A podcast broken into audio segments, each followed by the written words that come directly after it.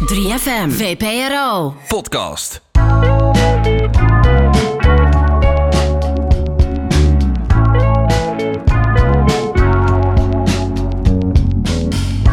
Dit is een podcast van VPRO 3 voor 12 en 3FM, waarin ik, Sagit Carter, in gesprek ga met jouw favoriete artiesten. Dit is Uncut Interviews. Hi, mijn naam is Sagit Carter. Ik ben eh, de presentator van 3 voor 12 Radio, een show op 3FM. eh, waarin ik vier dagen per week, maandag tot en met donderdag tussen 9 en 12, jou op de hoogte breng over nieuwe muziek, artiesten of tracks die je absoluut niet mag missen. Maar in onze show staan ook live muziek en interviews met verschillende artiesten centraal. Um, maar omdat we in de radioshows niet alle tijd en ruimte hebben om interviews in het geheel te laten horen, dachten we daar moeten we een andere ruimte voor creëren. Deze podcast. 3 voor 12 Uncut Interviews met mij, Sagit Carter. Dus elke week kan je een Uncut interview met een andere artiest verwachten. En in deze allereerste aflevering is dat een interview met niemand minder dan Leon Bridges. Baby, baby, baby, I'm coming home to your tender, sweet loving. You're my one and only one. Todd Michael Bridges, a.k.a. Leon Bridges, werd 13 juli 1989 geboren in Fort Worth, Texas. En hij wordt ook wel de second coming of Sam Cooke genoemd. En dat komt waarschijnlijk omdat hij klinkt en er ook wel een beetje uitziet alsof hij zo uit de late jaren 50, begin jaren 60 is komen wandelen. In zijn beginjaren werkte Leon overdag in Del Frisco's Grill en ging in de avonduren naar verschillende open mics waar hij zijn zelfgeschreven nummers speelde. En in 2015 gebeurde hetgene waarvan hij droomde, maar nooit had gedacht dat dat echt zou gebeuren. Namelijk zijn debuutsingle Coming Home, die je net hoorde, behaalde nummer 7 in de Billboard Triple A-chart. Stond daarnaast ook in de top 10 most viral tracks van Spotify. En hij wist ook nog een Grammy-nominatie binnen te slepen voor zijn debuutalbum met dezelfde titel, Coming Home. En nu zes jaar later heeft hij zijn derde album Gold Digger Sound uitgebracht.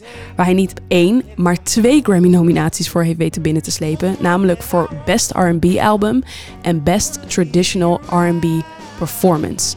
En nog voor het einde van 2021 had ik de kans om even kort met Todd, a.k.a. Leon, te kletsen over zijn carrière tot nu toe.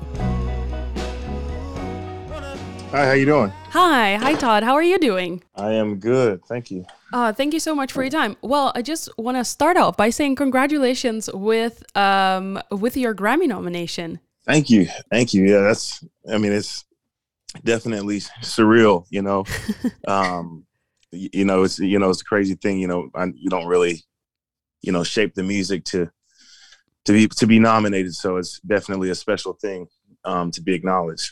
How did you celebrate? Um, I've I've been I've been kind of on this like perpetual cele- kind of uh, celebration thing, you know, just celebrating the end of tour and um, you know the Grammy stuff and um, you know just you know just great grateful for you know all the dope opportunities and you know grateful to be touring again and um, you know in that way. So. I hear you. but I, I I'll, I'll I'll celebrate for real when I actually you know win. I mean, don't I mean, don't be hard on yourself. It's already a, a great, great honor to be to be acknowledged this way. And now, Mhm. now we can refer to um, to Gold Diggers Sound as the Grammy nominated Gold Diggers Sound. Um, I I heard that you went back home for for making this this album. So yeah, actually, um, this is this is an album that I um, we made in, in in Los Angeles, and um, you know, I I mean, I would I would consider that as as my second home. Mm. Um, and so, you know, I pretty much, you know, with this album, you know, I knew, you know, the exact musicians that I that I wanted to work with, and you know, all those guys live in Los Angeles, so um, LA was just the ideal place to um, kind of make this album. Yeah. Does Texas still feel like home? Absolutely, absolutely. Um, you know, I, I don't, I, I don't really see myself, you know, living anywhere else. Luckily, you know, what I do, you know, what I do is not contingent on where I live. So, Yeah. um, Texas is still, you know, kind of my place of refuge, and you know, it's it's home. Has it changed now that you are becoming more famous, one might say? yeah, it, it's it's really kind of hard to, um, I guess, accept. Um, I guess like, ga- I guess gaining more notoriety, Hmm. um, and and in some ways, I'm I'm I'm a little disconnected from it. Um, you know, the only my you know the only way, you know, I see it is like with my interactions with with fans and stuff. Mm-hmm. But um, you know, lu- lu- luckily Fort Worth is like, which is where I live. It's it's a, it's a low key place, and you know, people definitely you know respect my privacy. But um, at the same time, it's awesome that you know more people are are coming into my world. But I do know that there was like a moment between your first two records that that, that the speed of your train, if I can res- describe it like that, kind of like got to you, and and I think you also talk about it on on your soul Blue Mesas. A- Absolutely. Um, you know, it, was just a moment for me with, which is, you know, not unique to me, um, of of of of a point where I didn't love myself, Hmm. and and that's not a good mixture for, um, I guess being in the limelight, and and it was a moment of where, you know, I felt isolated despite having people around me that still love me, and um, and so yeah, I was able to channel, you know, that experience in in Blue Mesas, and my whole thing is like I don't, I'm not, I don't pour my my heart out to to warn any type of um sympathy or anything. You know, it's just Mhm. more so at that more more so to to provide healing for someone else who's who's going through that. Ain't no peace at the top. I don't know how much air I got.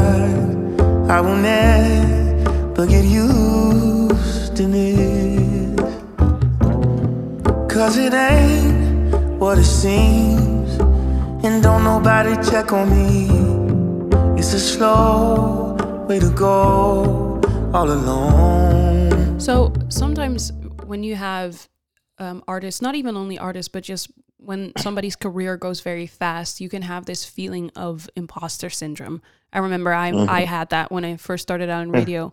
Was that something you were experiencing at the beginning of your career? Yeah, yeah. I mean, ex- I- I, I think that's something, well, at least for me personally, that I that I always feel. Um, Still? you know, be, you know, because I, you know, I'm a, I'm a finite individual, you know, and um, I, I'm not perfect in any way, and it's it's really hard to, I guess, at the rate that things move within, um, within my world to kind of keep up. Mhm. And you know, there's times where you know I feel like, how did I mean, you know, of I don't know where where I feel like I'm, I'm you know not a great songwriter or um, not the best singer, um, but I think I think one of the things is is you know that's been helping me is just like you know just to en- embrace what what I have and, and to to understand that you know there there are moments where um, I I guess um, you know where I fall short in certain things and just you know it's accepting that and Mhm. um, and, and still taking the time to to grow and and and in in that way. So here's a question: When you saw that you were nominated for a Grammy with this record, did you feel like you deserved that? A- absolutely, Okay, that's Um, good. right? Yeah, I, I- yeah. I think I, I try. I really try to balance like, you know, like modesty, and um, while still being confident. You know, right. And yeah.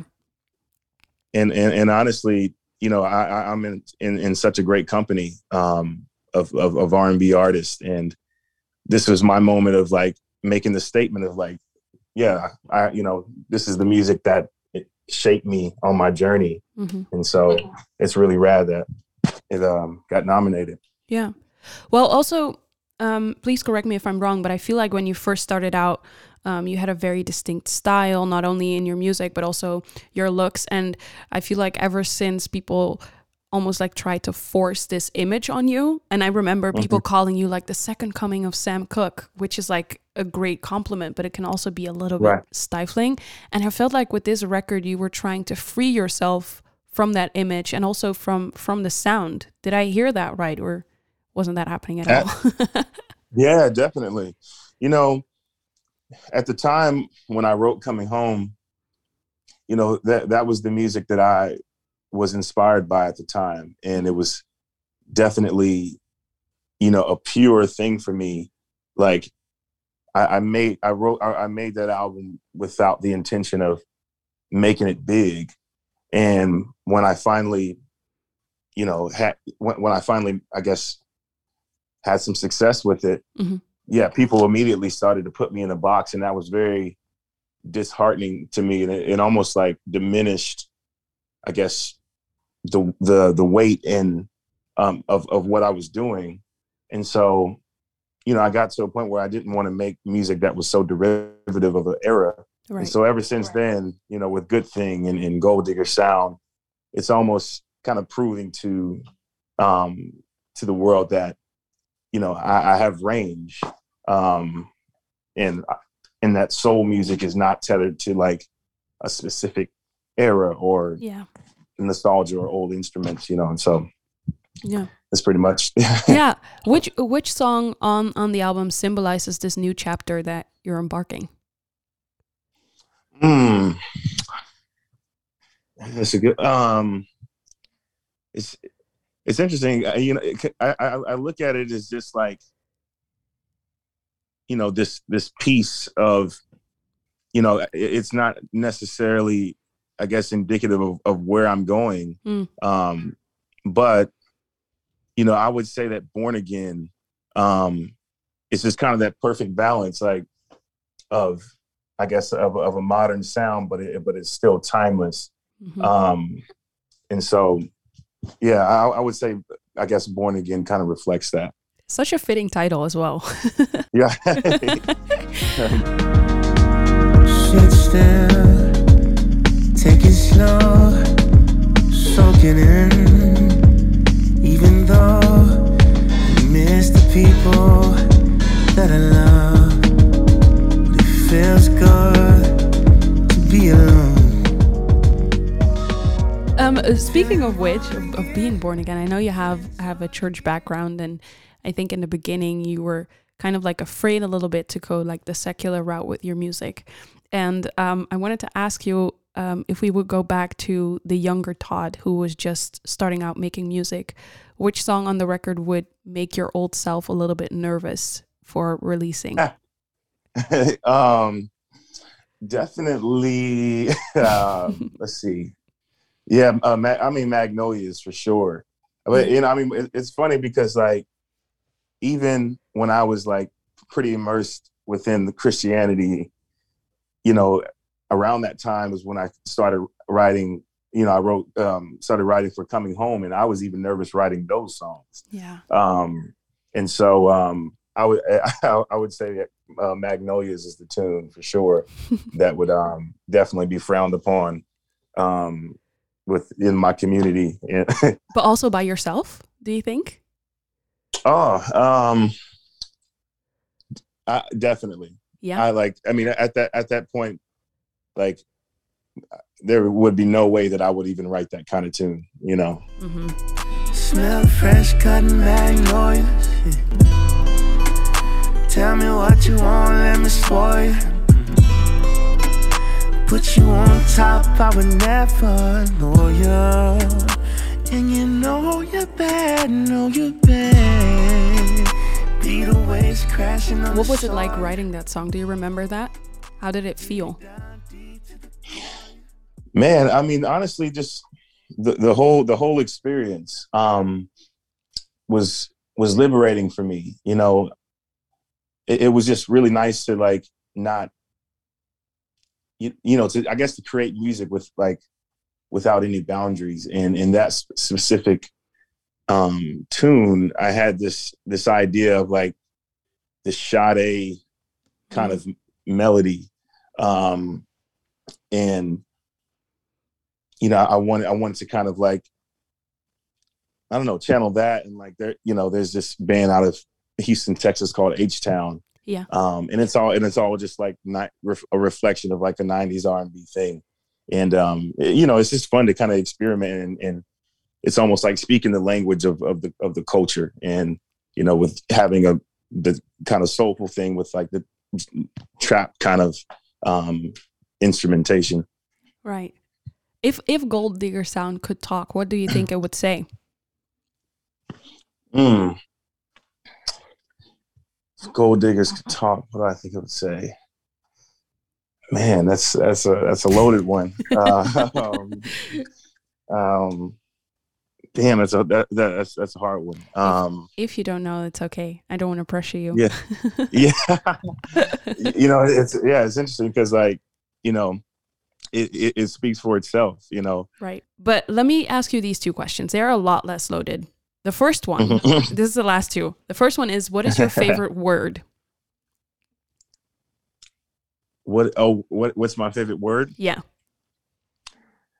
Man, I I, I would say I would say um uh, unprecedented is is my favorite word.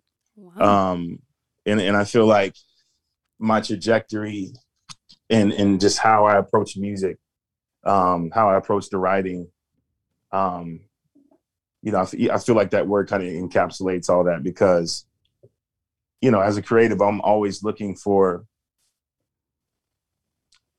for for for that uncharted territory right. and and and and and, and I and pretty much like as as an artist, you I, I want to kind of redefine, you know, how people perceive music from Texas and like what does that sound like?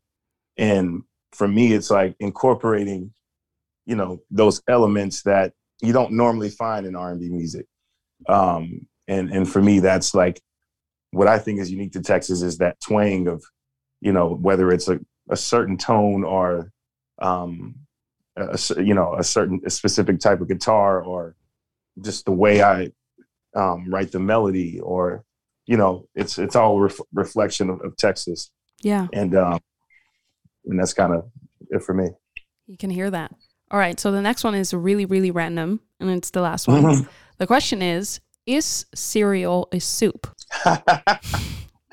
um, man, um, yeah, if, that, if that's how you want to look at it, it's essentially a soup. I mean, it's a, you know, it's a a cold soup. Right. Um, and I'm, I'm about to start using that one. but so, so to you, it's a soup? I mean, to to me, I, I I wouldn't I wouldn't consider it as as um as soup, but um, I I I I, I agree with that now. So I'm gonna start using that. That's going to be the headline of this interview. Leon Bridges thinks Yeah, cereal is a soup. Well, um, Todd, thank you so much for your time. And again, congratulations with the Grammy nomination. Very much, very well deserved. And uh, hopefully, I saw that you're coming to the Netherlands in 2022. So fingers crossed. Hopefully, I will uh, see you live on stage. Please, you, you you have to come out to the, to a show. Oh, sure. I will. If it's possible, I will be there. hell yeah. Let yourself in. Dit was mijn interview met Leon Bridges en zijn nieuwe album. Zijn Grammy-genomineerde album, moet ik zeggen. Gold Digger Sound is nu overal te streamen. Dit was Uncut Interviews with Sagit Carter. Vergeet je niet te abonneren op de podcast om zo op de hoogte te blijven van alle interviews met jouw favoriete artiesten. Tot volgende week.